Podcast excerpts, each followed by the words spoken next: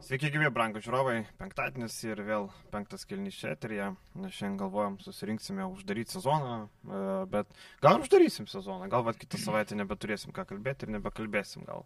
Tai kiuoniai padarysime. Tai mes bet kuriuo atveju neturėsime ką kalbėti. Bet nusibodo jau kažkiek, jau, jau nusibodo, jau, jau uždarom ir kokiam mėnesiui uždarom ir viskas. Kiek čia galima visą sezoną, kiekvieną savaitę. Aš ne vieną nepraleidau. Ai, vieną praleidau, kai buvau Barcelonai. Šiaip jau yra tas biškai persisotamas krepšinas, aš irgi sakiau, po šeštadienio, kokiam bent jau savaitėlį, net ir ACB. Sakiau, biškai praskipinsiu, reikia palikti. Įdomu. Įdomu, įdomu, bet aš sakau, savaitę reikia kokią biškai be krepšinio, nes jau, jau darosi persisotinimas. Dabar dar užfinišuoti jėgų, kaip sakant, yra. po to reikia biškai pažiūrėti gal kokį futbolą ar kažką, bet kad futbolo gero nebebus. Nu, Čempionų lygą, tai bet šeštadienį irgi. nu, šeštadienį kaip tik. Buvo gero futbolo va, finalas, Vesgiamas dramatiškai išplėšė, labai geras buvo finalas. Ir yra šalia finalo judesys geras, kaip debilai su kėdėm rankose kapojosi. Kurie labiau debilai ten, aš tik nelabai. Aš žinau, žinok, aš nėra, kad labai sakiau, bet aš mačiau tuos vaizdus, tai visai fainai. Bet Vesgiamo labiau. Vesgimo ten labiau pagarsėjo, atsiminkim e, tas filmas apie huliganus. Jo, jo, tai dabar čia buvo irgi neseniai Vesgimas žaidė namie su, tik dabar nepasakysiu, su Olandais kažkuriais. Ir irgi ten buvo veiksmas. Su Feinurdu, ne? Mm, ir ten e, tas jų garsiausias Hulsas vienas atstovėjo sektorių apgynę. Nelabai aš ten gilinusi, gal kažką ir nusišneku, bet ten vaikščiojo per grupės tos jau nuotraukos, kur vienas toks 40 metų, bet toks stambuščiuvas stovi ir ten maždaug nu, rankom, žinai. Spartos vyras, Kemzūra kažkada apie filmą irgi rodys komandai. So. Tai kažkas tokio ten buvo. Tai va, tai šiandien dar apie krepšinį, ne apie futbolą, tai nepamirškit laiko, subscribe, aptarsim visus reikalus. Gerai, pradėkim nuo neįdomesnių dalykų. Finalo serijos palauksim po to, dabar mažojo finalo. Atrodė, e, Jonava uždarys seriją, po pergalės panevežį jau viskas buvo jų rankose. E, galvojau, kad Lietkabelis nebeatsities, bet pasirodo, kad e, matytėsi ir smogė kaip turi būti ir smogė su tam tikrais X faktoriais. Čanakas sako, nu pabandysiu aš ištraukti kažkokią kortą, nu kažką gal pakeisiu, nu tebūnie, nu pakeisiu aš. Nekeičiu visą sezoną, nu bet šį kartą, nu gal įkalbėjo koks Eglinskas, gal e, Simas Juraitis įkalbėjo, gal nu, Bieliauskas pasakė, sako, nu pakeis kažką. Pakeitė plus 20 o pakeitė kas svarbiausia. Susikeitimo gynyba, nestepauta. Ir Golovanas pradėjo žaisti, o Popovičius medinis sėdėjo ant suolo iki pat 3 minučių. Popovičius šitoje serijoje nefunkcionuoja, neduoda jokios naudos. Bet čia vienas didžiausių downgrade'ų, turbūt žiūrint iš sezono vidurio, maždaug kaip jis prisijungė, kaip jis atrodė, kiek mes patys įgyrėm ir lyginam su Griciūnu, kiek tai yra žingsnis mm. į priekį komandai ir matant, kaip jis dabar atrodo, tai nu, vienas didžiausių nusivylimų, kalbant apie Lietkabelį.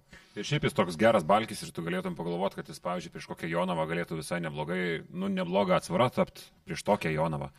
Bet, e, nu, čia visiškai pritariu, kad toks kiek netikėtas nusmukimas jo. Matai, prieš Jonavą tas ir yra turbūt, kad aukštų ūgių reikia su gerais sprendimais. Jonavos gynyba, mes jau daug esam kalbėję, yra gana įdomi, ten tos labai gilios pagalbos, labai geri dvigubinimai ir jeigu aukštas neturi gero kamulio nusimetimo, nu jisai pradeda nefunkcionuoti. Ir mes matom, kad Popovičius su tuo problemu turi. Golomanas vis tiek yra geriau ir pataikantis žaidėjas, ar gal šiek tiek aukštesnį krepšinio aikų turintis aukštų ūgis nei Popovičius. Ir Čanakas po ko rungtynė atvirai ir pasakė, kad na, toks buvo sumanimas, viskas jam yra gerai, tiesiog krito iš rotacijos. Ir krito iš rotacijos būtent dėl šių dalykų. Dar aišku, Murauskas iššovė, jau atrodė, jau nebežaisdavo toj serijoje, bet per 15 minučių 8 taškai, 12 balų, vienas naudingiausias, ketvirtas pagal naudingumo žaidėjas. E, tikrai pridėjo. E, aišku, Golmanas uždavė labai gerą toną ir e, matosi, kad žaidžia su kojos skausmais, ten šiek tiek kryptelio koja nukrito, skaudėjo labai. Akivaizdu, kad kenčia, nes matėm praleido pirmą berots mačą ar antrą praleido dėl traumos pirmą atrodo. Tai va, tai jam tokie reikalai. Ir šiaip Lietkabelis turi vieną akim užsimti dėl trečios vietos kova, kitą akim jau ieško trenerių nes vis garsiau, va, Rokas Pakinas rašė, kad e, Čanakas truktelio komą. Um, čia taip dviejopi, vieni šaltiniai sako, kad dandyl, kiti sako, kad dar derasi. Tai va, įdomu, kas yra arčiau tiesos, ar derasi, ar dandyl. Nu, ta pagrindinė informacija, kad ale trys variantai dar ten yra Čanakas vienas iš jų, tai aš kažkaip linkęs tik to.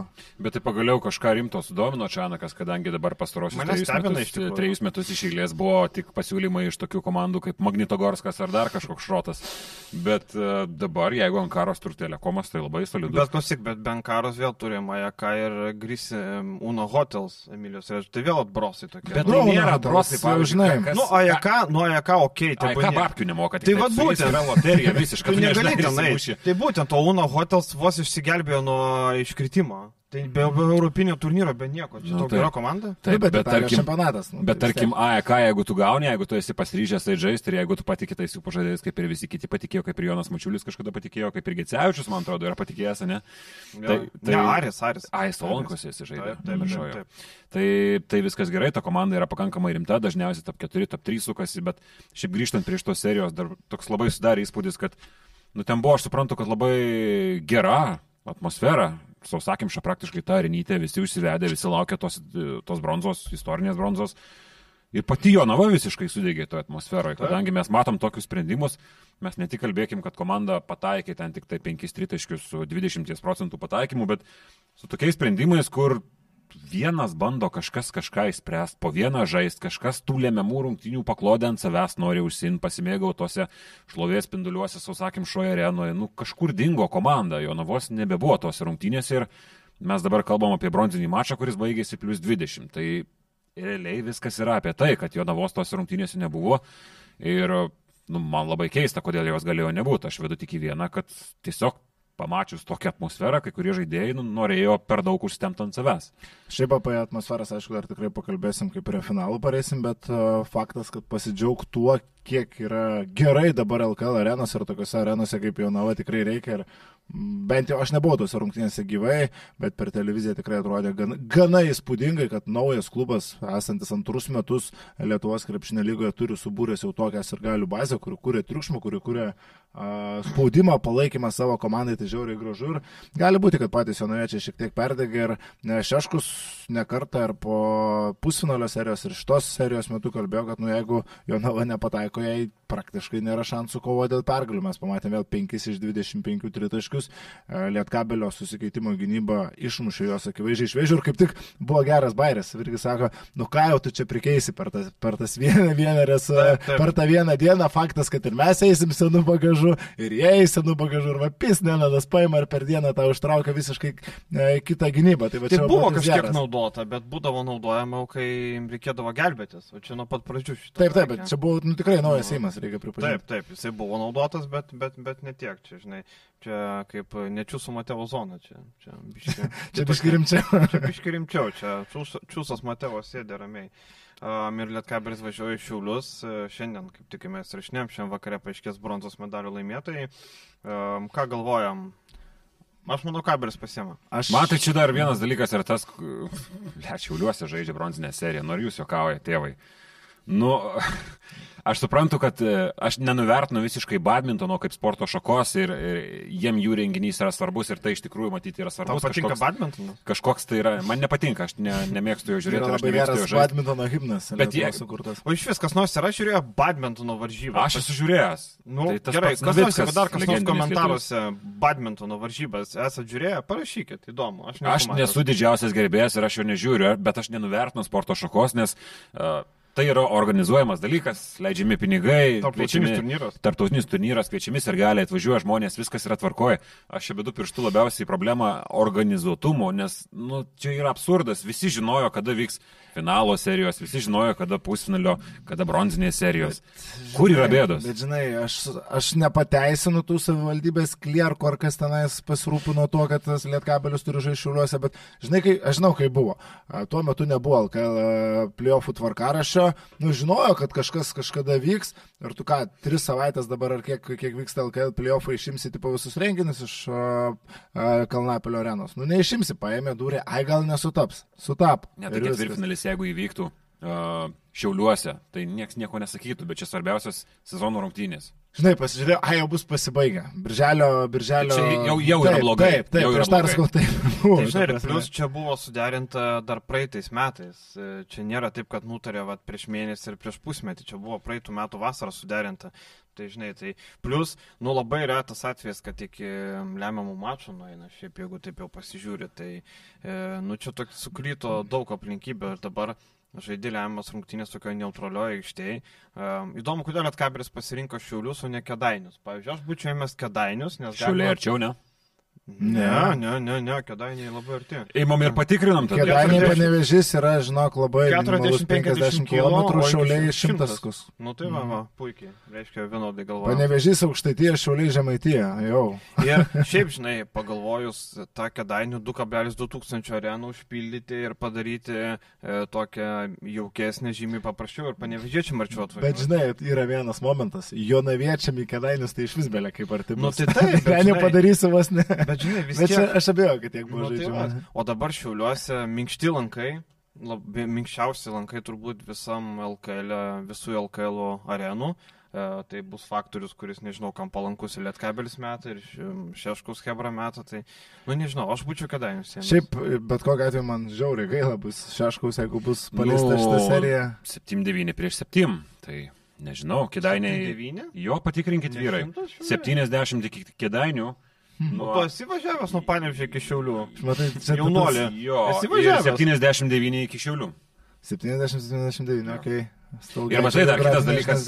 Aš, aš dabar, aš dabar bandžiau rašyti Tai vis tiek Google. Mapsą, bet Nu, tai jūs vis tiek teisūs, bet 10 tas skirtumas toks labai minimalus. Ir kitas dalykas, į Kedainius labai daug privažiuotų Jonaviškių. Iš Jo, aš tai aš buvau suvedęs. žinai, aš pas mane kaip visas vertimas yra, kiek aš važiuoju iš, iš Kauno, kaip kur, nu tai į Panevežį važiuoju pro Kedainius ir automatiškai Taip, taip. Bet ir šiaip, žinai, kažkaip nuo, nu jo, nuo Panevižio iki Šiaulių, galvoju, šimtas iš akies pasirodo, 20 km mažiau. Tai va, iš tikrųjų bus žiauriai gaila, kad jeigu Šeškus, jeigu bus paleista šita serija, nes, nu, man Virginijus Šeškus yra tas kaip cepelinai su spirgais ir grėtinė, toks visiškai lietuviškas tradicinis produktas ir, nu, šiek tiek norėjęs tikrai, kad Šeškus šitą pasaką užbaigtų, bet aš irgi manau, kad Lietkabelis jau nebepaleis. Tai tu palaikai, žodžiu, Jonavą. Net aš palaikau Virginijų Šeškų kaip Tai tu palaikai Jonavą. Ir palaikau Vitenį Lipkevičių kaip Vilkijos atstovą. Lietkabelį. Tai ką aš palaikau tada? Reikėjo baroną. Vilkijos. Bet tau sakai, norisi Jonavos pergalės. Ne, aš sakau, kad Virginijaus Šeškus. Tai jeigu Virgio norisi Ir norisi pergalės, ar Lipkevičiaus pergalės. Nu, Tai žodžiu, jis nori visų pergalę. Taip. Ne, Ne, kad pasaulyje būtų taika. taip, taip, kad grožis. Kaip čia gėlytės. sako, kas laimės? E, lygiosios spėjo. Tai va, lygiosios šiandien spėjo, ar ne? Tai nebus lygiai. Gerai. Ne, nespėjau. Nu, negali spėti lygiųjų, nu, nes nebūna lygiųjų. Sakiau, kad šiaip galvoju, kad Lietkabelis pa- pa- pasimštas ir aš net prie vienas du. Jeigu at- atraustumėm tos, pakeltumėm archyvus, aš sakau, kad kabelis dar gali grįžti, bet čia jau tiek to. Jo, tai šiandien vakare, o rytoj vakare kitos rungtynės laukia. Rytoj laukia rimčiausias mačas, kur vakar, bežiūrint, vakar, kai stojo, iškart pradėsiu nuo galo, kai stojo Tayloras mesti baudų, man iškart flashbackas rungtynės su Makabi ir galvoju, įmes bent vieną ar ne. Buvau tikras, kad abiejų nebeįmes, nes atsimenam rungtynę su Makabi. Vieną įmetė, antrą prametė ir Baldvinas, ne, pirmą prametė, antrą įmetė ir Baldvinas turėjo šansą iš prieš pergalę. Vakar buvo toks pat flashbackas, bet pasirodo klydau, nesugebėjau nei vienos įpersti. Ir po to matėm, kuo viskas baigėsi. Fosteris įmeta žalgerio ataka per 2,2 sekundės, net nebuvo arti įsimetimo. Buvo, pasižiūrėjau, pasižiūrėjau su chronometru, Dimša spėjo išmes kamuolį likus 0,3 sekundės iki 5 sekundžių. Reiškia, tai yra kažkiek mosto, trečdalis mosto turbūt, mm. nes mostai skaičiuoja išmetimo sekundės. Tai ten buvo viskas per tokį plauką, kad, nu, ta ataka buvo iš vis nelogiška. Ir, pavyzdžiui, gerai, Ambrasdeikio 13 taškų ten jis vos nepaskandino vieną storyto ketvirtam kelinį, kažkiek pamiršta visi vieną dalyką, nu, ne tai, kad, ne, ne tai, kad pamiršta, čia nėra ką labai prisiminti, bet tiesiog nekalba labai daug apie tą dalyką. Kadangi ir Fosterio prasiveržimas buvo labai geras ir Varsdeikis pats tempė tą komandą, bet kas atkreipė dėmesį arba atkreips dar kartą peržiūrėjęs tą epizodą, kokia buvo Brasdeikio gynyba, nugara į prasiveržinti mm -hmm. į baudos aikštelę žmogų. Čia yra Jis nonsensas. traukėsi nuo jo. Čia yra nonsensas. Ne, jisai vaikėsi savo ginamąjį, bet jisai buvo atsisukęs nugarą. Čia yra nonsensas Kas visiškas. sakau, nuo jo ėjo, nes tas ginamasis jo traukėsi, kad padaryti erdvės, tai jis kartu su juos linkusi nuo žmogaus. Ir su kamuolio. gera gynyba, nes Kazys sakė paskui baudos aikštelė, kad idėja ir yra koncentruotis pausis į baudos aikštelę ir su trim žmonėm, nu ten Fosteris turėjo pataikyti kosmosą, jeigu Brasdeikis būtų sureagavęs ir jeigu būtų spaudę laiku. Ir okei, okay, viskas tvarkoja, nors aš lieku prie nuomonės, kad žmogus saugo savo akcijas vasarai, aš turiu tokį įstikinimą, nes man jo žaidimas Eurolygos reguliarkiai ir dabar atkrintamosiose man kaip diena ir naktis, net ir po vakar gerai sužaistų rungtynių, aš galvoju, kad žmogus kažkiek pasisaugo, minimaliai yra tas.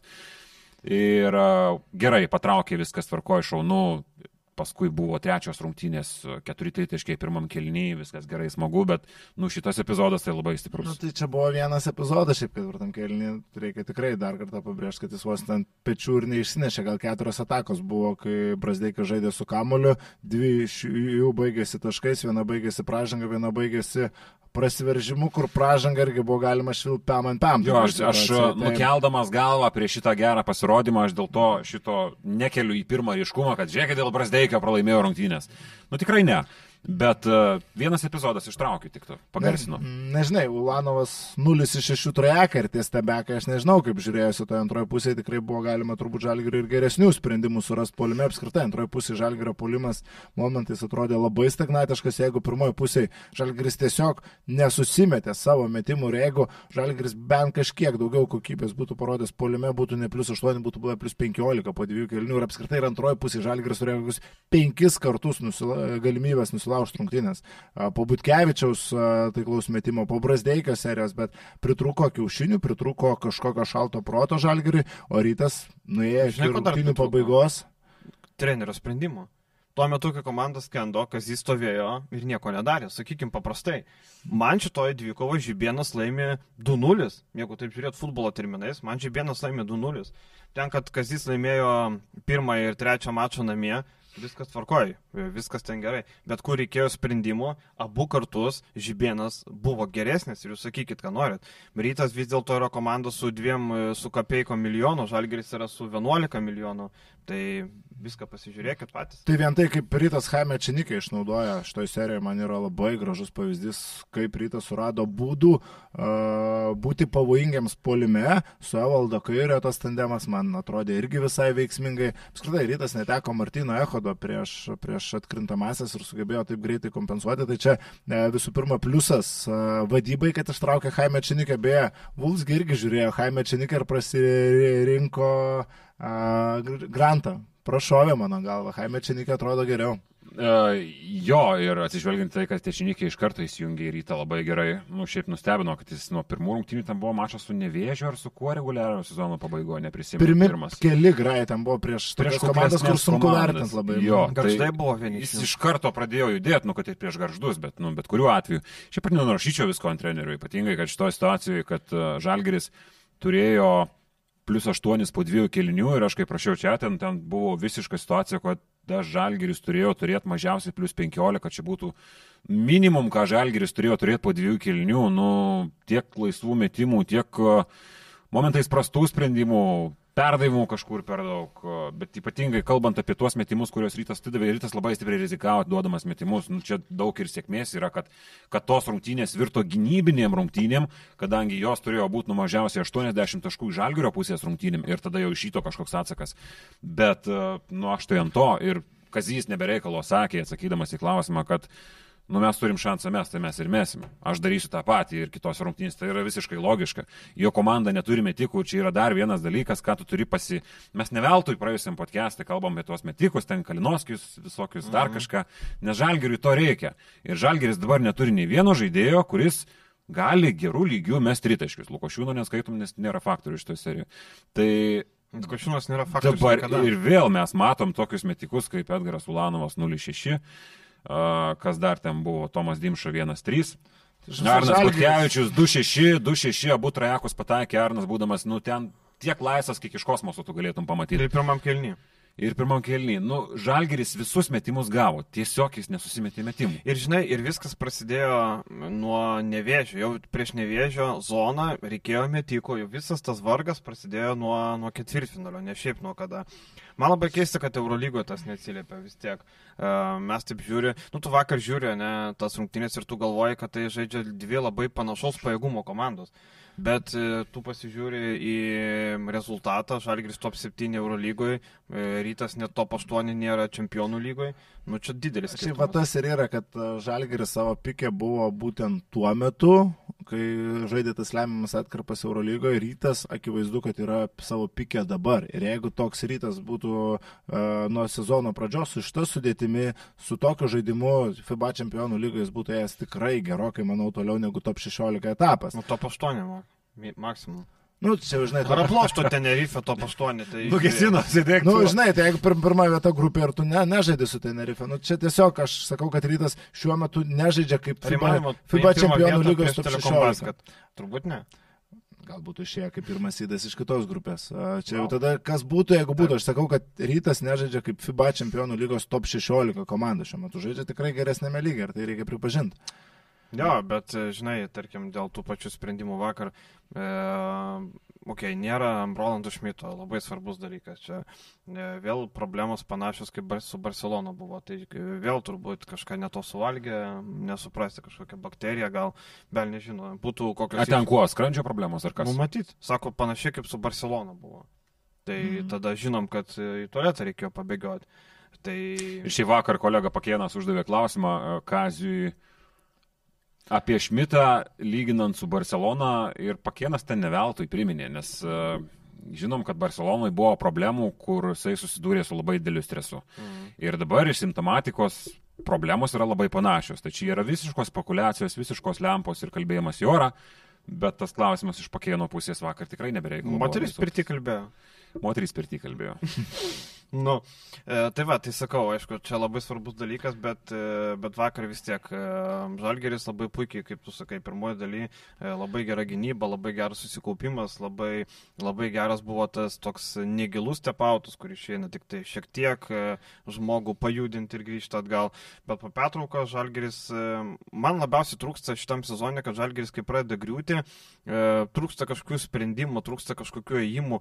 Tarkim, po vakar po minutės pertraukėlių Žalgeris beveik taškų nesurinko, po minutės pertraukėlių nesimato kažkokių pagyvėjimų, e, tokių būna pavienių, aišku, labai trūksta tų metikų, ką jūs ir sakot, e, rytas atiduoda, tie beldžiai lanka, ypač Jeep arenui. Da Žalgerio arenui da padoriai, bet Jeep arenui tai atrodo, nežinau, ten dreba, drebėjo, gal krepšys, gal kas ten. Šiaip dar buvo momentai, kad uh, prieš tą Brasdeikio atkarpą aš sakiau, kad buvo, atrodė, jog Žalgiris turėjo kelis kartus sudaryti rungtynės, bet buvo momentas, kai atrodė, kad Žalgiris jau yra subirėjęs ir pats rytas galėjo anksčiau. Kolumo pasidaryt. Įsisuko trajekas. Taip, tai buvo pora metimų ryto, kur jie jau galėjo tarsi perimti iniciatyvą, tada Brasdeikio atkarpa ir atrodo viskas, Žalgirio pergalė kišeniai, bet tu prasileidai kairio 2 plus 1, tu nesumeti, Brasdeikis prameta laisvas iš kampo, tritaškai, atsikovoja kamolį ir nesumeti dviejų baudų. Nu, Tai čia yra visiškai išleista pergalė, bet žiūrint iš, vat, iš mūsų pusės, iš apskritai Lietuvos krepšinio visuomenės pusės, tai šitos penktos serijos nu, rungtynės yra žiauriai geras dalykas. mum- Man tai labai keista, dar grįžtant biškai kažkiek prie taktinių dalykų, kiek rytas Žibėnas tiksliau naudojasi šitoje serijoje sėkmingai tais gaus skrynais. Mes matom kairio faktorių, kuris yra labai, nu, didelis. Tas pats Ečenikė kažkiek tą naudoja, Masiulis jau nekalbu popinant ten į pusiau kraštą ar dar kažkur. Tai ir vakar ypatingai tas suveikė, kuomet, nu ten, aš nežinau, ar kuklinosi Gedrių Žibėnas ar, ar, ar kas, bet jisai sakė, kad ne jo ten buvo derinys, bet, nu, situacija tai buvo ideali, kai reikėjo rytui greitų taškų, galbūt net rajako ir žaidė ant a, pusiau krašto, tarsi tokį kaip pikenrolo su Fosteriu. Tada pastatė, tipo atėjo pastatyti užtvarą ir, ir, ir jis tiesiog kairys nuslipino tą užtvarą, ten ideali tokia situacija po taimauto, kurią treneris galėjo būti pabraižęs. Ir čia būtų, būtų galima pasakyti, kad bravo treneriui, bet kad įsitraukė va tokį koziriuką. Bet iš esmės mes matom tą, nu, paskui aišku, Gedrius sakė, kad ten buvo tiesiog improvizacija iš Fosterio pusės, kuomet nuo slipo nusimetė kamuolį labai paprastai kairiui ir buvo asistas. Bet kiek daug šitoje situacijoje, šitoje serijoje tokių situacijų, kuomet iš, iš tokios kombinacijos eina taškai į žalgerio krepšį. Paprastos, galim paprastos. Paprastos, labai paprastos. Taip. Šiaip, mm, sakyk. Ai, dar e, ką norėjau pasakyti, e, buvo toksai žalgerio, nežinau, turbūt galim sakyti neteisingas, rytas vienu metu dviem centrais, žalgeris tuo metu žaidžia dviem mažais.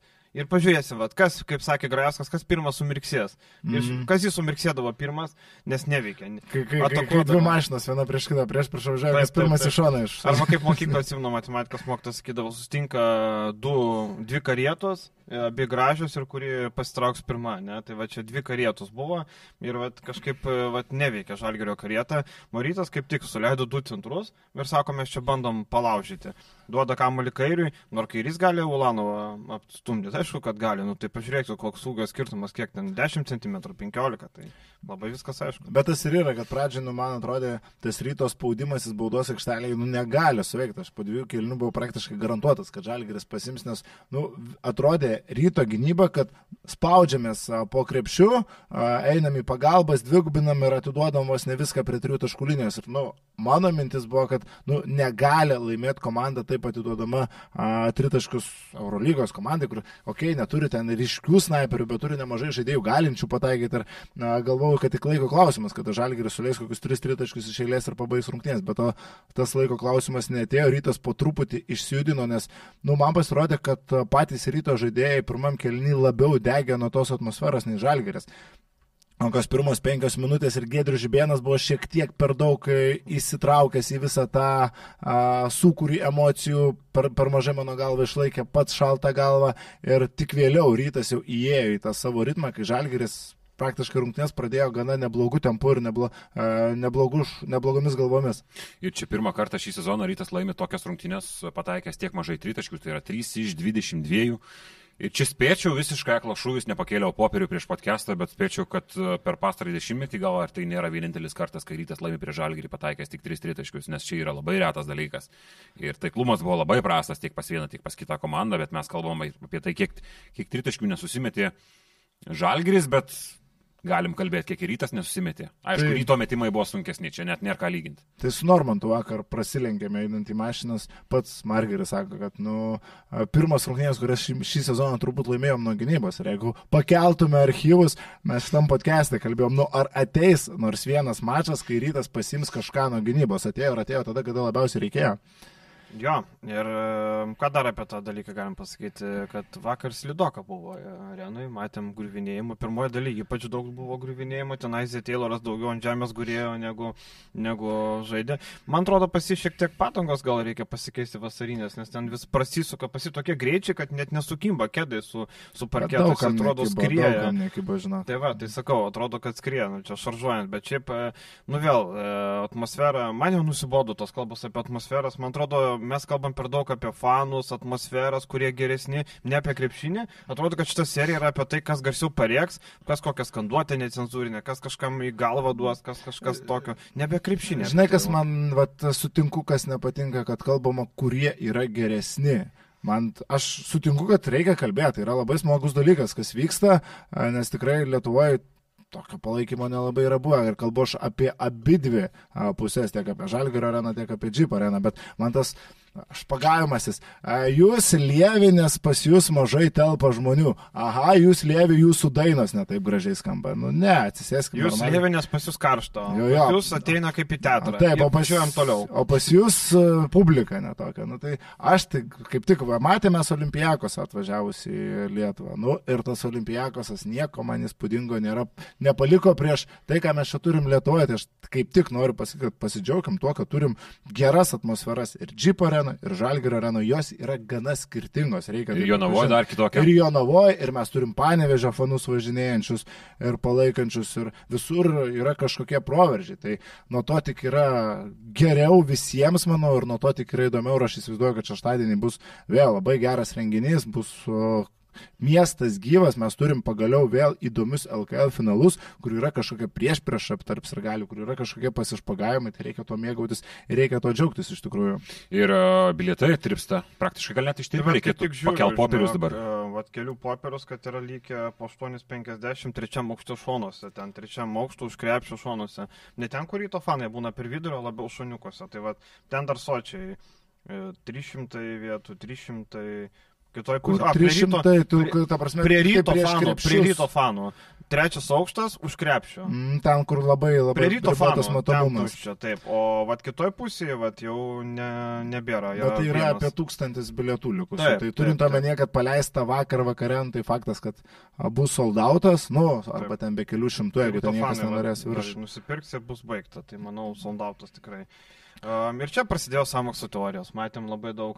Žalgeris tyčia norėjo pralaimėti, nustojo žaisti po petaukos, nes Matejūnų reikia ten 300 tūkstančių. Tiek nepasims, bilietų kainos mažesnės daug. Ir plus abonementininkai mm. ateina, tai ten gerai 200 tūkstančių. Trečiam aukšte mačiau pigiausi bilietai po 7, nuo 7 iki 10 eurų, nu, tai ne Eurolygos kainos. Tai Žalgeris Lukošiūną galės išlaikyti, bet šitas rungtynės. Kas norėtų rizikuoti savo gėdą, nes Žalgerį nelaimėti antrą sezoną, vėlgi ta pati gėda, tai kas norėtų tuo rizikuoti vien tik dėl to, kad aplaistytum titulą Kaune, kad pasimtum Nu, kiek tu gali pasimti, jo pasėmė, ką tu turėjai, fantastišką sezoną žalgiris iš bilietų jau išgyveno. Tai kokie čia briedai, kokie čia nesąmonės, man net keista. Bet man iš vis keista, kad žmonės tai rašo. Aš Tai ten nesuprantu. apie lažybas, kiti jau Taip, žinai. Nu, čia, čia taip, žmonės taip. mėgstantis gyventi sąmokslų teorijų pasaulyje, kuriems visas pasaulis aplink yra sąmokslas. Kažkam kažkas fiktyvų.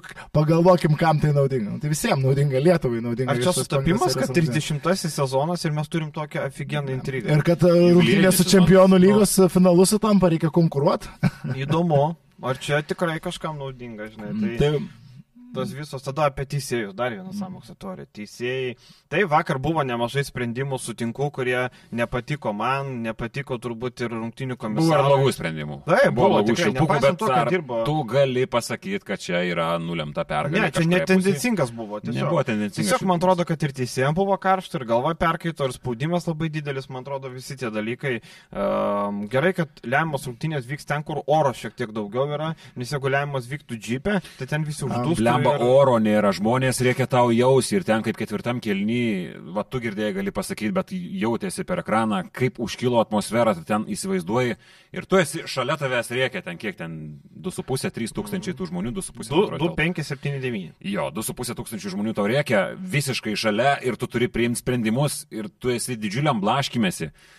Nu, tai ir natūralu, kad kažkiek ne į tą pusę gali būti, bet kad kertinių švilpukų kažkokių ten nebuvo, tai faktas. Na, šiaip, kas dar, ką dar šitą seriją ir apskritai šitas sezonas įrodė, tai sugriovė bent jau man vieną mitą, kuris gana gajus, kad, oi, čia rytas Vilniui neturi palaikymo, neturi kažkokios didelės fanų bazės ir taip toliau. Nu, pasirodo, turi ir ateiti iš tą miestą Vuls nebus taip paprasta. Ir dar vakar, ką pirmą kartą beje apsilankiau Džipo arenoje Žalgirio ryto rungtynėse, paskanavau tą publiką, labai įdomus. Ir laus neslėpkim. Ne? Alaus, ne, baigtų, dirbu. aš. Nelaukia eilėje. Eilė, eilė, ten jaučiu, žinau, kad... Su laptopu ant rauto sėdi, bet alaus Kažkur trečią kelnę vidury. Eilė turbūt. driekėsi iki geležinio vilko. Tai Nu jo, aš nei vienoje iš arenų nebuvau matęs a, tokios tendencingos auditorijos. Ta prasme, a, ryto džip arenoje, kad 90 procentų a, sirgalių yra vyrai ir vat, maždaug mūsų amžiaus. Tu jeigu nuvažiuosi į Jonavą, ten irgi sakai atmosfera, viskas faina, bet ten yra šeimos, ten yra vaikai.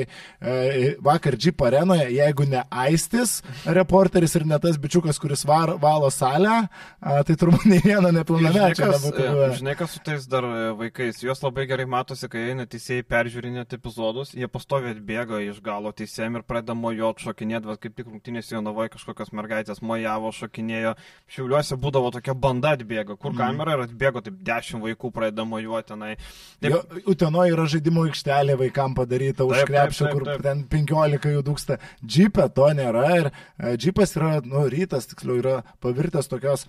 A, Hebros, na gražiai išsireiškiant, tokių bendradarbių, kolegų, Bendraminčių. draugų, bendraminčių. darbininkų vieta. darbininkų klasė. Gal ne visai darbininkų, Nu, tai daugiau kaip, tokių. nu, tai dirbantis visi. Nu, ten ofiso planktonų Darbininkų, labai daug. o labiau, Ne, aš bet labiau darbin- ofiso planktoną Yra gal, tų žmonių, kur žinai, smėliavom kelnėm, mėlynais marškinukais ir kortelėm ant kaklų. Taip, taip. Jie eina į Helios centro valgyklą, stovi eilė dienos pietų už 4 eurus ir pizdėlina apie tai, kaip jie ten kažkokias karjeros aukštumas užims. Ailanšas jo ten. Taip. Ir jie... Bet palauk, bet tai darbininkai, tai aš nesakau, kad darbininkai ten yra angliakasiai. Tiesiog sakau taip, kad Pas, pas, tiesiog, pasikeitė termino savoką. taip, tiesiog ne paaugliai kokie atėjo ir ne pensinio amžiaus žmonės, o tie, vat, kaip, kaip tu ir sakai, vat, mūsų olimpiakose tas pats, ten vat, lygiai tas pats. Taip, taip, o tarkim Žalgirio arena, aš kaip tik vat, buvau visose finalo mačiuose, galiu palyginti, jau prie fanų sektorius, tai mano fanų sektorius jo yra tokie patys ir gretimas sektorius, kuris irgi didžiąją dalį prastovėjo, ir tu matai 60 metų moterytė, atsistojus ir žaliai.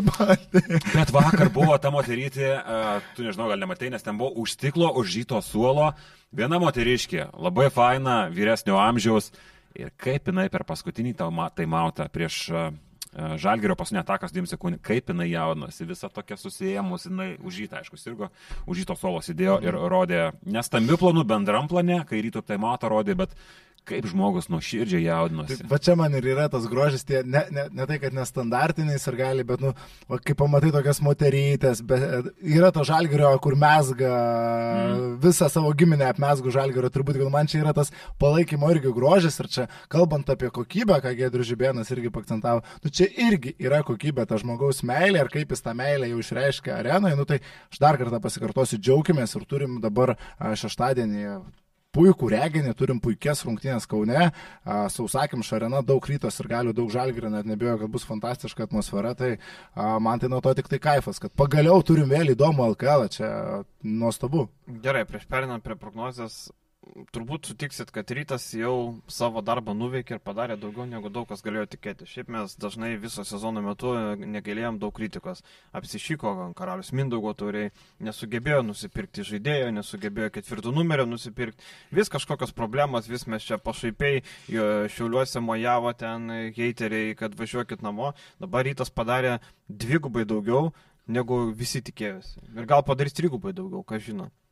Jo, šiaip aš nesutinku net su tą mintim, Kazio Maksvyčio ir to pačio Žibėno paklausė, na, kas jaučia didesnį spaudimą, nežinau, neprisimenu, ką Žibėnas sakė, bet Maksvytis abi komandos. Sakė, abi komandos, mm. nevelnio. Žalgiris jaučia spaudimą, rytas a, važiuoja lūptis ir padaryti viską, ką gali, bet jie nejaučia spaudimo, Taip. kad, kad bus, kas bus, jeigu pralaimėsim. Žalgirio, aš vakar ėjau į Žalgirio rūbinę daryti intervų, tai Heiso. Ir Butkevičius drebėjo, atsakau, Butkevičius drebėjo. Heiso, Butkevičius veidai buvo tokie. Tai va dabar yra Žalgirio psichologas, yra Maksvytis, jie turi va tas tokius veidus per tas dvi dienas paversti vėl į tuos besilupančius ir tuos maksimaliai nusiteikusius. Čia yra iššūkis. Rytas dabar yra ant psichologinės bangos, jie padarė, atrodytų neįmanoma, jie atkėlė seriją į penktasias rungtynės. Tai čia jau yra milžiniškas pasiekimas. Jiems. Ir Žalgeris tą sezono, e, man atrodo, tik sezono antroji pusė, aš nežinau, ar tai buvo pirmoji pusė, bet aš kažkaip neužfiksavau, bet antroji pusė ypatingai suaktyvėjus reguliario sezono galui su Münchenu ir jau ypatingai Barcelonui buvo psichologas komandos, e, bandomas prilaikyti kuo arčiau komandos. Jis vaikšto kiekvieną treniruotę, jis sėdi prie, prie suolo ir jis yra visiškai su komanda full time uh, reguliario sezono ir atkrintamųjų čia pabaigoje pačioje sezono. Tai uh, irgi kažką pasako, bet tai yra normalu, aš galvoju, kaip žiūri organizacijai savo žaidėjus. Tai... Bet aš buvau užklausęs, kai tik apie psichologą, ten man atrodo, tų Eurolygos uh, svarbiausių kovų metu, kiek jo indėlis šiuo metu yra į komandą, tai Kazis tuo metu atsakė, kad jis tiesiog daugiau stebi, duoda galbūt kažkokius patarimus štabui ar kažkam, bet tiesiogiai su žaidėjais nebendrauja, kad jų vos nedar labiau neapkraut. Nors aš irgi galvočiau, kad šiuo metu Aš tai, tai taip naudinga. įsivaizduoju, kad natūralu, kad jis turi būti prie komandos, nes jis tai turi suprasti visą kontekstą, bet tai jeigu žaidėjas pats nenorės, jeigu nepareikš jokios iniciatyvos, tai ką? Sakysi, eik, Kevarius, tai pasikalbėk su psichologu, nu ko gero nevyksta taip dalykai, taip, taip. nes jeigu tu pats nenori, tau niekas nepadės. Ir ką tas psichologas, žinai, man atrodo kažkiek pervirtinamas. Uh, kad čia psichologas, ką jis ateis ir e, Maizė Taylorui išmokys baudas pataikyti lemiamų metu. Žingsnių nedaryti galėtų, bet čia jau psichologas turbūt. Tai va, žinai, tai tas psichologas, uh, saugia vyrai. O man atrodo, kad nėra. Ir va, aš norėjau pasakyti, aš kažkada gal net nebuvau podcast ar kažką. Aš gal, žinai, po, old schoolas, man tokia dalykai. Po Final nereikia. Four Šaras visada nuvertina šitą faktorių. Visada. Jisai nekartą yra pasakęs ir tiksliai prisimenu, kad lietuviškai medijai paskutinį kartą gal užsipėta užsiminęs Žalgeris TV intervė kažkada, kai dar Žalgerio treneris buvo nes Rytis Kazlauskas jo buvo aiškiai paklausęs apie psichologiją. Ir, na, nu, aiškiai matosi, kad Šaras nuvertina šitą.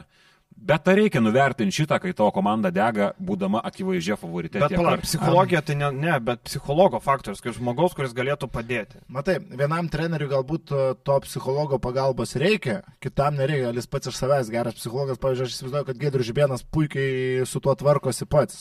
Kažkodėl man toks įspūdis, kad jis labai gerai randa prieimą prie žaidimo. Nu, taip, Kitas yra... treneris galbūt turi geras taktikas, yra idealus krepšinio fanatikas ir išanalizuoja viską tobulai, bet turi problemų su prieimu prie žaidėjų ir tuomet tas psichologas gali būti labai naudingas. Ir Žibėnas, yra puikus motivatorius, jis ką kalba kartais šabloniškai, vakar labai buvo toks išsunktas, kalbėjo gal kiek kukliau, bet uh, ką jis kalba į kamerą ir ką, koks jis yra už kameros, yra vėlgi. Yra tokių žmonių, yra Jankūnas, va toksai, yra Nu, yra toks, tok, va, Kazys Maksyvytis yra toksai. Jie, kad Kazys, pavyzdžiui, spaudos konferencijos yra pakankamai toks šabloniškas, galbūt kažkam ir nuobodus, Nevelnio, jis yra labai gyvas žmogus už kamerų. Žibėnas lygiai taip pat. Už kamerų jis yra nu, idealus motivatorius, labai ilgą liežuvį turi, kalbant iš tos gerosios pusės. Tai rytas šitoje proble pusėje problemų neturi, bet apie psichologinę persvarą kalbant, aš plemba, aš sakyčiau, kad 50-50 iš to situacijų. Rytas yra titulo ginanti komanda ir kažkiek galim žiūrėti tai, kad Žalgeris, jo, šikna dega. Jis yra superklubas Lietuvoje, jis yra flagmanas Lietuvoje, jo biudžetas rytą lenka keturis kartus. 3-4, koks skirtumas. Ir aš manau, kad be abejo jis yra favoritas, bet ar čia labai didelis spaudimas žalgiriui? Nežinau. Nu, Žalgiris jau turėjo šį sezoną to spaudimo ir su juo susitvarkydavo, tai čia, čia kitas momentas. Žalgiris Eurolygos uh, reguliaraus sezono pabaigoje kiekvienas rungtynė žaidė du ar dai, tai aš nemanau, kad jie labai jau pasimes prie tos. Nes ir tu prieini prie penktųjų rungtynių, kur tiek viena, tiek kita, viena komanda nori apginti titulą, kita komanda nori nuslauti savo gėdą iš po praėjusių metų. Vėlgi, kiek ten nori, neaišku, nes pusė komandos yra nauja. Jie tikrai nieko nežino. Ir kas ten niekam sako iš šūbinės, kokią mes ten šūdą patyrėm praeitais metais, niekam neįdomu. Uh, bet Nu, abi komandos tik iki penktų rungtynių, abi nori laimėti. Aš manau, viskas tuo apsiriboja. Nėra kažkoks tai vienai komandai užmetamas labai ten didelis spaudimas. Nuspaudimas yra, bet nedidesnis nei kitai komandai. E, bus kas nors, kas pasakys, kad rytas laimė rytoj finalą. Tai žinai, galima čia visada šaurimas. Tu sakai? Ne, aš nesakau. Uh, aš dar prieš rungtynes Vilniuje buvau sakęs, kad Vilniuje yra 60-40 žalgirio, žalgirio daug 60 laimėti prieš rytą 40 rytui, tai va 40 suveikė, Kaune aš duodu žalgirio 80, tai rytui 20. Kiek Jono vaikam atadavai? Nulį. Zero. Ne, ne. Kur, kur realiai nulio niekam Vienai, niekada ne, neduodi. Mes, kiek mes davėme? Vieną iš dešimt, man atrodo. Realiai nulio niekada neduodi, nes pagarbos tą faktorių vis tiek išlaikai, bet Jonovai tada nulį davė. Ne, ne nulį, vieną iš dešimt, man atrodo. Net lažybininkai nedavė nulio. Nu, nu, nes negali duoti nulio. Jo, tai va, tai rytoj tokie reikalai. Um, eisim toliau, bet prieš tai tokią pertraukėlę padarysim. Pertraukėlė yra tam, kad turim šiandien draugą, turim vat, labai rimtą įmonę. Klikna už, už pastalus lėpesnį. Ekovaks turim, e, nu kaip tu čia, Ekovaks turim. Draugą, tai. e, va, pamatėm, čia va, yra dalykas, turbūt, kas žiūrėjo, galvoja, kokį jie ten gargarą pasistatė. Tai žinokit, Ekovaks tai yra Airbot Z1 robotas ir čia ne koks robotas siurblys, jeigu jūs galvojate. Čia iš Tarvarsų tas. Jo, bet čia, žinok, e, čia protingas robotas tikrai. Jeigu jungsi tinkamą dalyką, jisai iš jo groja muziką, tai gali jungti ir pradės kalbėti tau, netgi, va, jeigu pajungsi kokį nors kalbėjimą. Podcastą gali pasijungti, robotas važinėja po namus ir tu klausai podcast'o. Ar čia šitie robotai, kur atims kažkada mūsų darbus? Ne, šitas. šitas, ne. šitas Arba gyvybės neslėpė. šitas geras, šiaip e, Ekovakso, tai va, tai čia nėra robotas siurblys, kurį ten daug kas turi namuose, vis sakytum, kodėl čia reikia tokį. Ne, čia yra naujoviškas dalykas, jis yra skirtas oro filtravimui ir dezinfekavimui. Jis važinėja po namus, e, lygiai taip pat kaip va, mūsų įprastas robotas siurblys, tik jisai važinėja po namus ir va, orą filtruoja, dezinfekuoja nuo visokių rūkalų, lygų, bakterijų ir plus e, yra labai mobilus. Belaidis uh, turi AI aptikimo funkciją, labai, labai protingas, turi True Mapping antrą versiją, kur nusibraižo savo visus dalykus ir neatsitrenks ten nei gėlę, nei stalą, nei niekur. Tai va, tai išvengia visų kliučių, galima įsijungti muziką, uh, paklausyti. Šiaip čia yra pirmas pasaulyje savaigis robotas, kuris valo orą. Čia aš vis tiek galvoju, kad jie kažkada mūsų darbus atims. Na, kainuoja. Jum, kainuoja. Jums spėjimas, vad vėliau tu gerai, vad jums kiek kainuoja šitas daiktas? O, čia apie kainą, čia tas legendinis žaidimas. Aš manau, kad uh, jeigu muzika skamba kokybiškai ir jeigu ta kamera gerai veikia ir ten monitorius dar kažkoks yra, aš nemačiau, uh, dedu mintį, kad čia kainuoja kažkur uh, 2,5 tūkstančio. O jūs ką manot, ponas? Gal biški mažiau. Mažiau. Biški mažiau. Mažiau. mažiau. Aš dėčiau virštukas kažkur, ne? Nu kiek? Nu, štuka 2. Jūsų galutinis koks? 2,5 toli. 700 eurų. 1,5. Nu, tai, nu, tai jūsų geras darybininkas iš Marijampolės. Šiaip vertas 2,5, bet 7 duodas. 700. Čia kaip Turkijos special price for you, my friend. For you, my friend. Tai va. E... Šiaip labai sunku kartais tokių dalykų vertinti kainą. Jo, nes čia šiaip pirmas pasaulyje, čia ne, ne šiaip koks įprastas dalykas, čia yra pirmas pasaulyje. Je, jeigu tu būtum pasakęs, kad penkias štukas kainuoja, aš tai palinksėčiau galvą, nu jo, gali būti. Žinai, Vilius dar būtų daugiau vertinęs, jeigu aš būčiau pridėjęs, kad valdomas programėlė, valdomas balsu, labai protingas, e, viską daro puikiai, Vilius sakytų, nublemba, jeigu jau toks protingas, tai 3,5, o pasirodo viso labo 1500. Kai, kai pradės tekstus dar pats rašyti, tada bus 3,5. Taip, tu vis dar apie darbą. Aš, aš vis dar nepaleidžiu šitos minties. Žiūrėk, Romka gal paims komentuoti, kada turėjo omeny. Nu, aš įsivaizduoju. Gal nebūtų blogiau už kai kurios komentatorius. Kad tekstus rašyti galės kažkada tokie, tai aš praktiškai jau tikras. Tai ten gali kažkiek, bet žinai, bet ten taip kažkaip nėra to tokio faktoriaus, kur galėtų, žinai, parašyti šiek tiek daugiau. Ne, aš įsivaizduoju, jeigu čia nu, da, padarom kelių minučių nuokrypį, kad tas iš box skorų naujienas apie rungtynės, tai čia kelių metų eigoje galės surašinėti. Autoriniai tekstai lieka mūsų išsigelbėjimas ateityje, ne? Nu, turbūt. Tai ir gerai mažiau mechaninio darbo. Tai gerai, viskas. E, Ecovax e, oro valymo filtravimo roboto Airbot Z1. E, rasit e, viską video prašymą, kur galite nusipirkti. Šiandien šiaip apie kainą kalbėjom, o tikrai galėsit nusipirkti e, šitą robotą patys. E, matau, kad populiarumas jo nemažas. Matau, kad e, va, šiuo metu vežamas į sandėlį. Tai vadinasi, jau spėjo šiek tiek apipirkti. Tai oro. Mes šiaip kažkaip su oru dirbam, prieš tai turėjom kitą dalyką, kuris ten integravo, kad oro valytų čia vėl. Mes tokia norim užtikrinti jūsų sveiką gyvenseną, bet kad namie būtų komfortiška, viską. E, labai gerai. Gerai, einam toliau, ne? E, toliau, ką mes dar galim pakalbėti? Mažiekiai, šiandien ryte, vat, atsikeliu ryte, žiūri, staniulį sėdi namie. Ir mažiekiai. Įsigijo Gedrių staniulį e, iš garždų komandos. E, šiaip pirkinys labai solidus. E, tik šiek tiek e, žmonės pervertina gal staniulį, kad tai kaip čia mažai prisiviliojo. Atsiprašau, kas yra staniulis? E, Čia yra Ispanijos aukščiausios lygos kažkoks premium žaidėjas. Tai yra kom, žaidėjas, geras žaidėjas Alkelė, kuris garžduosi antrojo sezono daly buvo nukonkuruota Šarūno Beniušio. Mm, Jeigu mes kalbam apie mažiekius kaip apie komandą kovosiančią dėl aštuntuko, tada tai yra pagrindinis geras centras. Jeigu mes e, kalbam tai apie komandą, kuri gali įnešti sumaišties kaip Jonava net ir lyderiams, tarkim, pirmam penketukui, nes kol kas mes matom du pirkinius ir jie tarsi neblogi, tada Staniulis yra geras backupinis centras. Toks mano būtų pamastymas, nes Nuvaidas Kariniauskas, sakykime, drąsiai yra įžaidėjas, pagrindinis įžaidėjas, su kuriuo tu gali pretenduoti į penktą, tarkim, vietą ir bandyti kapotis, ką padarė šiemet Jonava. E, Tik Jonava tai padarė iš šeštos vietos. Beje, Vaidas labai patiko, kaip komentavo, šeštos, kaip jo. komentavo LKL finalą, jeigu jau užsiminė apie Karniauską, tai aš galvoju, aš, jis, jis toks labai mažai kalbantis, jis toks nedrasiai kalbantis visą laiką ir aš galvoju, kad čia gausis paleva, bet šiaip mintys labai solidžios, e, tik drąsos biškai gal trūksta, bet jeigu komentuotų antrą, trečią, ketvirtą kartą, būtų viskas labai, labai solid, nustebino tikrai. Aš ne vienų rungtynių per TV nemačiau, tai kaip Janavičius sekėsi šiaip iš praeitų metų. Labai Klasika, buvo. visada labai gerai. Mm. Getsas visada labai gerai. Visas šitas trejetas yra labai solidus. Vakar e, per pertrauką Bendžius kalbėjo su Šležu. Ir e, labai daug kas atkreipė dėmesį, kad Bendžius kiekvieną sakinį pradėdavo, kaip čia pasakyti. Labai užkliuvo visiems. Kartais buvo du sakiniai, du pasakymai, kaip čia pasakyti. Nu, tai Šiaip man gražu tas Bendžiaus ryšys su rytu, vakaris tose pirmose tribūnose, tur- pirmose eilėse sėdėjo, akivaizdžiai matėsi, kad palaiko rytą. Kas dar gražiau buvo Macijausko ryšys. Jo, Macijausko, Bendžiaus, Bendžiaus apskritai ėjo prie komandos tenais vienu metu, ten jiems su pitakėliai sumušė toks, nu tikrai buvusio auklėtinio, kaip sakant, palaikymas savo komandos draugams buvusiems, tai labai gražiai iš tas atrodė, Matso buvimas irgi super. Kas dar, vat, sakai, kartoja žodžius Songailosas. Žinai, žinai visą laiką. Ir, ir Valančiūnas. Nu, čia iš Amerikos. Iš Amerikos atėjęs. Bet vat Songailas dabar prisiminiau, buvo du intervai sudarant Songailą. Vat prisiminiau kartais, kaip žmonės e, reaguoja.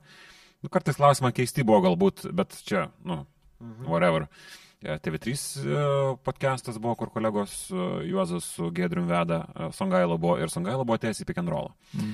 Ir vat kaip skiriasi kartais dalykai. Čia Hebra uždavė tą patį klausimą apie galimą Timo Dankano sugrįžimą į trenerių štabą. Nu, rimčiau ten kažkaip, Mhm. man atrodo, apie Timo Dankaną jo. Ir tą patį paklausė Kleiza. Tai čia sureagavo. Kas tau sakė? Kas? Kur buvo parašyta? Kai Kleiza paklausė, atsakymas buvo gražus. Ne, nu žinai, nu žinai. Man tokie dalykai kartais įstringa labai ir... Mm, Kur draugas, kur nedraugas. jo, jo. Ir e, grįžtant prie mažiekių, aš mėgstu pinigus skaičiuoti. Tai šiaip e, mažiekiai, jeigu biudžetas 800 tūkstančių, ne, tarkim, imkim, tai Staniulius su Kariniausku be mokesčių kainuoja jau 150. Gal net 160. Noriu tai atkreipti dėmesį, kad numuš šiek tiek hypą. Nes e, Kariniauskas, pir, pirminis Kariniausko noras buvo 100 tūkstančių. 100 tūkstančių be 100, sakė, nevažiuosim. Tai gal Kiltinavičiaus kortą, gal noras sugrįžti numušė iki 90, gal iki 80, bet čia yra minimum. Staniulis be 6, be 7 niekur nežaidžia. Tai tai 100 pam, 100 šiam be mokesčių jau yra išleista. Tai žinai, aš, pavyzdžiui, mažai kitokių vietų ir apskritai tokių, tokio klubo pozicijoje irgi dėliočiau panašiai kaip Jonava, gal net tiek drastiškai septyni vedantys žaidėjai ir penki krepšininkai, kuriuos tu gali išleisti penkiom minutėm, kurie kainuoja tau centus. Mano nuomonė, toks vienintelis yra kelias, o ne ten 12 to lygių žaidėjų, 12 vidutiniokų, kurie, a, duok dievą, susilipdys į Taip, kažkokį kaip gerą vieną mačą žaidė, tai labai Taip, taip, žaidži vieną mačą, turi septynių žaidėjų, septynių žaidėjų brandolį ir tris tokius, nu, kur tau kainuoja po štuką Žinai. Kur reikės daugiau išleisti apsaugai? Kai komandos Staniulis, kai komandos Kiltinavičius. Teisėjams riesta. Manau, teisėjai turės kortas važiuoti policiją lydėti mažiekius, nes Taniulis po kiekvienos baudos keikėsi ir jie bus kiek smaždžius berė nepatenkintas visai, kai jam jis niekada neprasižengė. O Marius jau žinom, kad mėgsta įsiaiškinti pakviesti ant. Pakviest gaidį į lauką. Nu, šiaip Kiltinavičius vakar buvo džip ir dabar dar vieną dalyką. Jomantu. E, Prienuose liūdna situacija, panašu, kiek teko su vietiniais kalbėti, gali būti, kad klubo net ant kelė.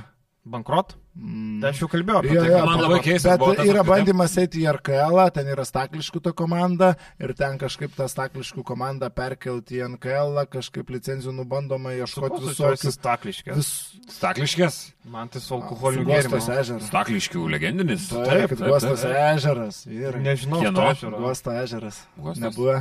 Aš tai žinau, fainas Buvo sodyba yra, kur Vytas daro savo. Taip, taip, tai ten festą. yra. Tai šitas pats. Čia ta, ta, ta, tas ta pats ežeras. Aš iš tų kraštų esu, tai mes ten varydavom maudytis. man, kad- Blemba, Bet Kas? Stakliškiai, žinau, daryk, ką nori, bet stakliškiai. Jo, jo, tas Jamaika, man atrodo, irgi būdavo. Taip, Jamaika, būtent, būtent seniai Jamaika. Šiaip kas mūsų GAU3 kodo nepanaudojo ir nenusipirko ir dabar nemato, ne viskas įskaičiuota, nugraužė. Graužasi, na, Jeigu aš dar Vytą į jo žiūrėjimą, bet aš jau mačiau. Dabar girdėjau, kad GAU3 pakilo pardavimai, va taip, va, daug kas perka, o kas mūsų, mes turėjom už vieną eurą, Hebra, už vieną eurą būtumėt nusipirkę ir praktiškai iki būtum viskas, dabar jau kodas nebegalioja, visa, kaip sakant. Aš nežiūriu, prisiekiu, aš nežiūriu tikrai. Ne, Nes... bet kai papa čiulpė matei. Mačiau, nes... Ir makštį matei. Nes viena kolegė, nes viena kolegė ke, kelia highlightus savo story, nes jinai dirba matyti prie to projekto. Elena Karalienė. Elena, jo, Taip. prie to projekto ir kartais įkelia Taip. kažką ir aš tik iš ten pamatau. Bet vieną pamačiau, nes per televizorių ėjo. Ir buvo labai prastas momentas, nes buvo tiesiog čiūvas ir panas stovėjo prie baseino ir jiem reikėjo kažką padaryti.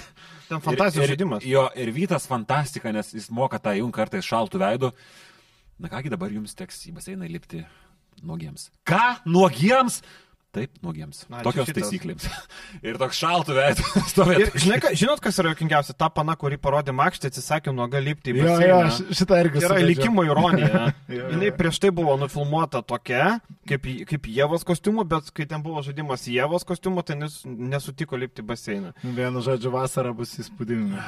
Nu, blemba, vien dėl Vyto galima pažiūrėti, I- i- žinai. Iki krepšinio čempionato bus ką veikti. Jo.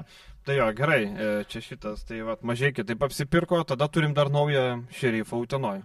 Oliveris Kostičius atvyksta į Uteną, jau atvyko, jau vat, krepšinį vakar žiūrėjo, atsigėrė lietuviško, žinai, nestakliškių.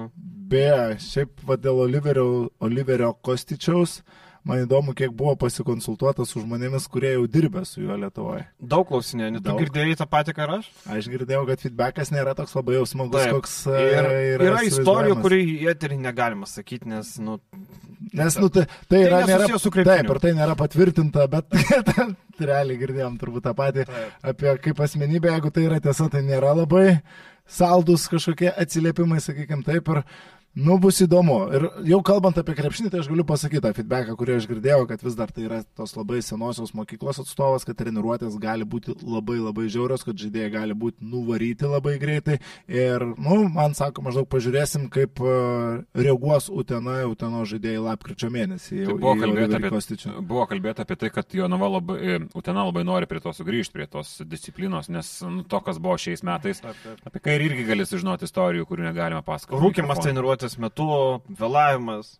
Ką? Čia aš net ne apie tai. Aš, Vaikosiuko treniruotės metu išmokš. Aš apie dalykus, kurie buvę yra, nu bet čia, whatever, apie daug ką žmonių galima, apie jūs irgi, ko gero, ištraukčiau, jeigu pakelčiau archyvus. Taip, taip, Tai, va. taip.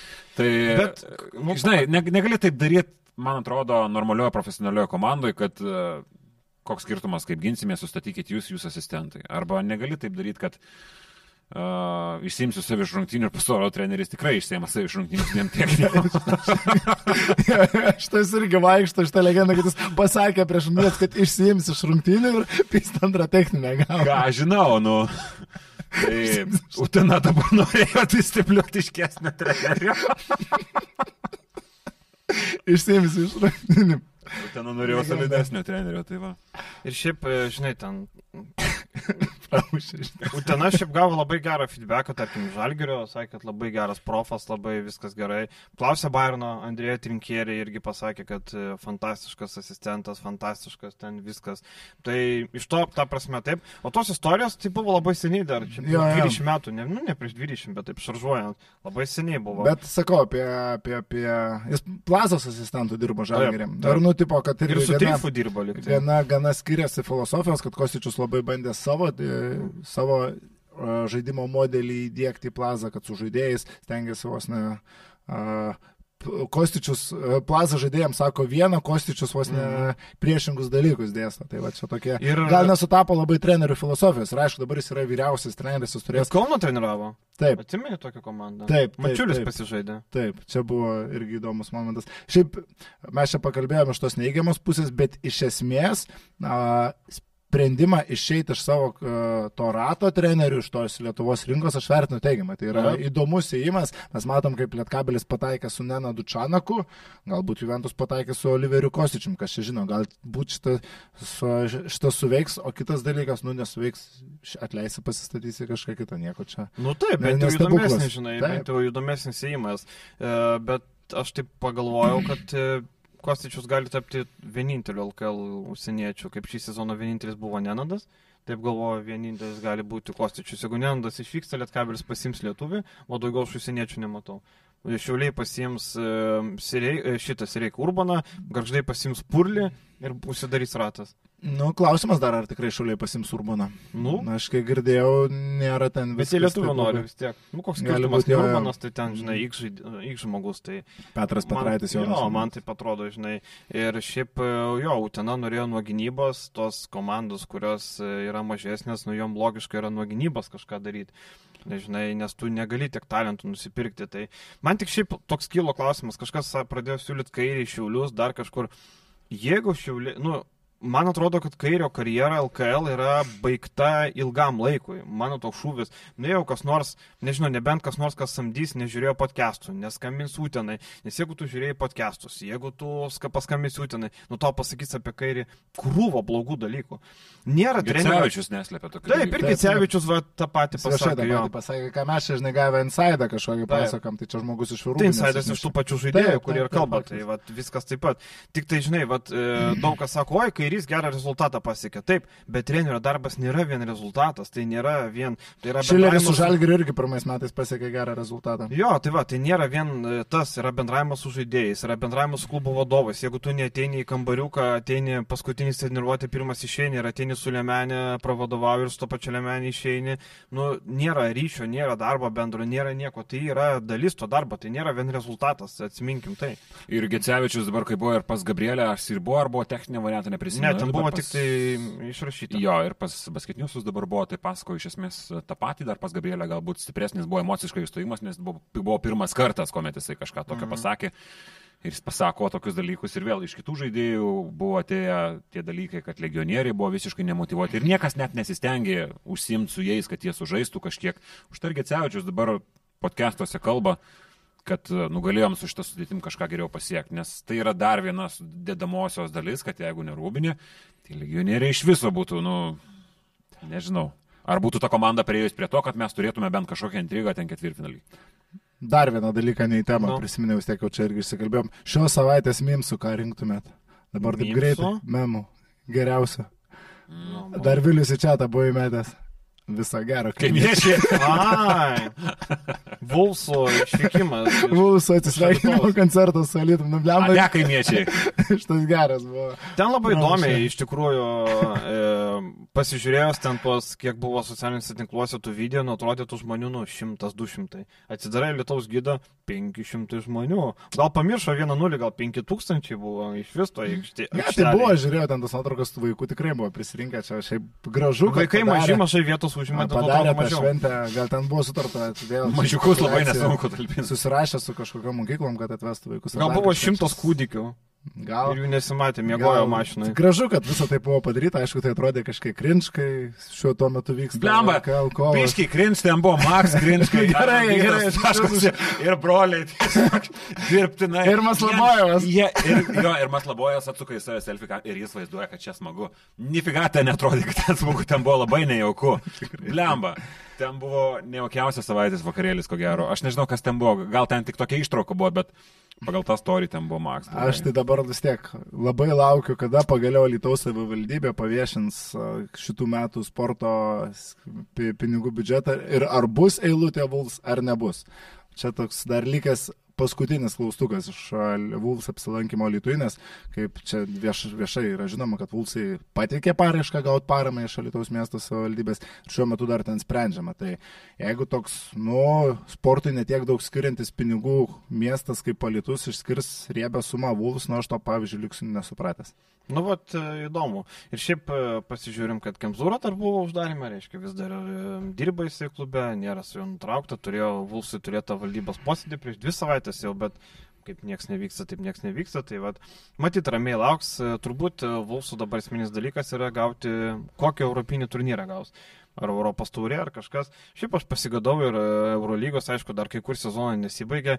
Nu, Tai bet daug dar nesibaigė. Ne, nu bet tarkim, Ispanijos, Italijos vietos išdalintos, LKL irgi, tai nebent Adrijos lyga, nu taip, bet tai ten irgi viskas aišku, Partizanas ir Zvezda. į Zvezdą Mhm. pateko, Bas- Partizanas turi vietos, Zvezda gauna kaip Adrijos lygos komanda, nu tai irgi kaip ir viskas aišku. Man tas nepatinka, kad mes turim birželio 9 ir mes nežinom, kas žais Eurocapė, ten kažkokios iš italų nuogirdos tas žais, tas nežais, čia dabar va Marekas e, e, pakėnui sako, kad e, pasirodo Bradoiro gali čempionų lygos atrankoje žaisti. Tai, nu, Tai žinai, dar Eurolyga gal dabar koncentruojasi į Glikmano pakeitimą kažkuo. Genadijaus? Genadijaus Glikmano pakeitimą kažkuo. Ar tada daugiau bus kažkokios Tai informacijos? va, įdomu, kada čia vyks pakeitimai, vėlgi matėm, Eurohupsai pradžioje Jankūnai rašo, po to supranta, kad ne tą Paulių įrašė, pakeičia kitų Paulium ten, nu, Bet tas, uh, jaun, ta pirma reakcija, jankūnas, ta prasme, jūs rimtai o ko tokia blogai. Nu, aš įsivaizduoju, kad vis tiek reikia daugiau patirties Tai pradirbus, ta prasme, čia nėra reprezentacinė. Va, Paulius Motijūnas, aš sutinku, kad šitai pozicija yra tinkamas žmogus. Paulius Jankūnas nusmėgė. Bet tai Bodirogas galėtų Ten buvo kažkokia komunikacijos klaida tiesiog. Taip, taip, taip. Kažkas ne to suvelta. Čia gali būti tiesa. Jo, ir e, dar aišku, vyksta čempionatai Graikijoje, vakar e, Pau sugebėjo smogti Olimpiakosui ir e, nepaisant to, kad Olimpiakos ryškus favoritas buvo serijos, bet antrose rungtynėse neturėjo sluko, išvarė Vokopą, gavo traumą Sašą, atrodo išvengė rimtos traumos, bet gal nežais dar vieną mačią. Ir Pantnaikos atrodo nagus. Šiaip turint omeny, kad ir pirmą mačą jie pasikapojo gana neblogai, antras pasijėmė, tai visai įdomi finalo serija. Jo, ir e, Ispanijoje vyksta reikalai. Turkijoje įdomus reikalas. O, vyksta. Turkijoje labai gerai, ten kaip visai kaistrų netrūksta. Įtūdis atsinešęs kompą, tai, nu, yra epinis, epinis. Ir ten vėl bandymas, bet įtūdis, mes esam kalbėję, kad jisai nemoka pralaimėti. Jisai yra žmogus, kur turi loserio mentalitetą ir jis nemoka pralaimėti. Pralaimėjo tos rungtynės, jisai ateina, va, prieš dviejų rungtynės buvo parodė tribūnas, negavo techninės. Mano žaidėjas parodė, iškart techninę gavo. Jisai va tokios atkasnė. Atsimeni pranai, tu man davėjai snukį, aš tavo atgal nedaviau, ateik duosiu vėl. Šiaip jie vėl dvi ženklį pranašumą išbarstė, apie ką mes kalbame. Tre- trečio pabaigoje turėjo plus 12, ketvirtam turėjo plus 9 ir vėl nesugeba išlaikyti. Ką tu čia badai pirštais? Aš tai nesu ir Atamano didžiausias fanas, bet aš tai šitoje serijoje yes. visiškai Matėt? Žanadolu. Po Klaiburno metimo. Yes! Yes! Buvo šitas. Bet ten kaip FSS antram grajui sugebėjo pralaimė, laimėtas rungtynės pralaimėti ir vėlės laimėti, nu, tai ten yra istorija. Prarado kamolį. Taip, taip, taip, ir Klaiburno tas hero trajekas, nu, tai kosminis buvo visiškai. Kosminis, kosminis. Ir e, aš tai laukiu, kada Turk telekomas baigs, gal to Izmyras pabaigs, tada gal apie Čanaką kažką paskelb, žinai, greičiau bus aišku. E, Ispanija, va, Vilius e, reprezentatyviai komentuoja. Ispanijos atstovas. Badalona. Deleguotas, delegatas. Gavo ECB. spragilų, kad vadina Endesą, čia tas pats, kas LKL vadintų bet seifo. Bet mes, seifo bet mes jau kalbėjome apie tai, esam, kad e, patys, patys, patys, patys ispanai, pats Šaras, žurnalistai Ispanijos visi vadina Endesą. Aš nežinau kodėl, nes Endesa yra elektros kažkokia tinklų įmonė ar kažkas tokio, bet visi vadina lygą Endesą. Netgi portale Nu, tvarsime, niekas. Ignitis as- pirmenybės. Jo, Ignitis pirmenybės. NFito čempionų lyga. Bet iš esmės nei kažkur tai žiniasklaida. Nu, visur lyga Endesa. Niekas ACB nevadina ten. Niekas. Tai pas mus Žiniasklaida skamba baisiai gražiau lyga Falcao. Endesa. Espaniola, Balonfesto. Bet žinai, kai nežinai tos įmonės, taip, bet jeigu, pavyzdžiui, būtų Ignitis LKL, jokinga būtų. Nu, bet. uh, Bet kartais tiesiog prilimpa tie tokie. Jo, ir tas įprotis yra, ir tikrai visi. Ir, ir kažkada paklausiau, Barcelonoje buvo klausimas Šarui, sakau, va ten Endesoje buvo tas ir tas. Ir paskui Pakienas sako, blemba tave Šaras užrespektino vien dėl to, kad pavadinai Endesą, o ne Ispanijos čempionatu. Nes Ispanijoje jo yra tas, kad visi Endesa, Endesa. Tai aš kažkaip irgi įpratęs ir... ir, ir ir vis tiek tas remėjas, aš įsivaizduoju, eina ne, ne vienerius ir ne antrus metus, tai yra eilė metų. ilgai, taip, taip, aš kiek atsimenu, tai yra Endesa, nu ir prilimpa. tas- Anksčiau, ank- bet nėra taip seniai, anksčiau GCB būdavo. A? Bet Seniau Endesa atsibė labiau gal, aš kažkaip Anksčiau atsimenu, atėjo atsibė vadinau gal prieš dešimt metų kažkur prisimenu, labiau atsibė buvo. Nu tai va, tai atėjo tas rėmėjas, tada tapo Endesta ACB, neva, žinai. Uh, tai ten matėm Šaro vyrai prieš Malagą kontroliavo rungtynės, galiausiai vėliau prisižaidė ir buvo visai įdomu, Viliu, papasakok.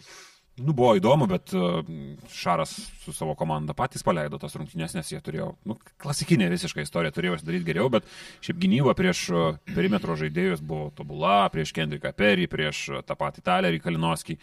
Bet vėliau atsitiko gyvenimas, atsitiko jo rollai su Inkuba Sima, atsitiko tai, kad Janas Veselį šiaip jau skirtingai nei, tarkim, Na, bet čia gerai, apie kitus trenerius nekalbėsim, nes vėl prisikalbėsim, kad čia negerbėm kažko laimėjusio Eurolygos titulo, bet tiek to. E, Bet e, labai jautė Šaras, kada buvo užatakuotas ten koks nors Janas Vesly, turėjo pick and roll, o gynyboje labai daug problemų. Tai iš esmės Unikachas sugebėjo pademonstruoti, kad šita serija nebus apie nieką, bent jau pirmos rungtynėse ir sugebėjo nu, išlipti iš to minus 10 ar kiek ten bebuvo.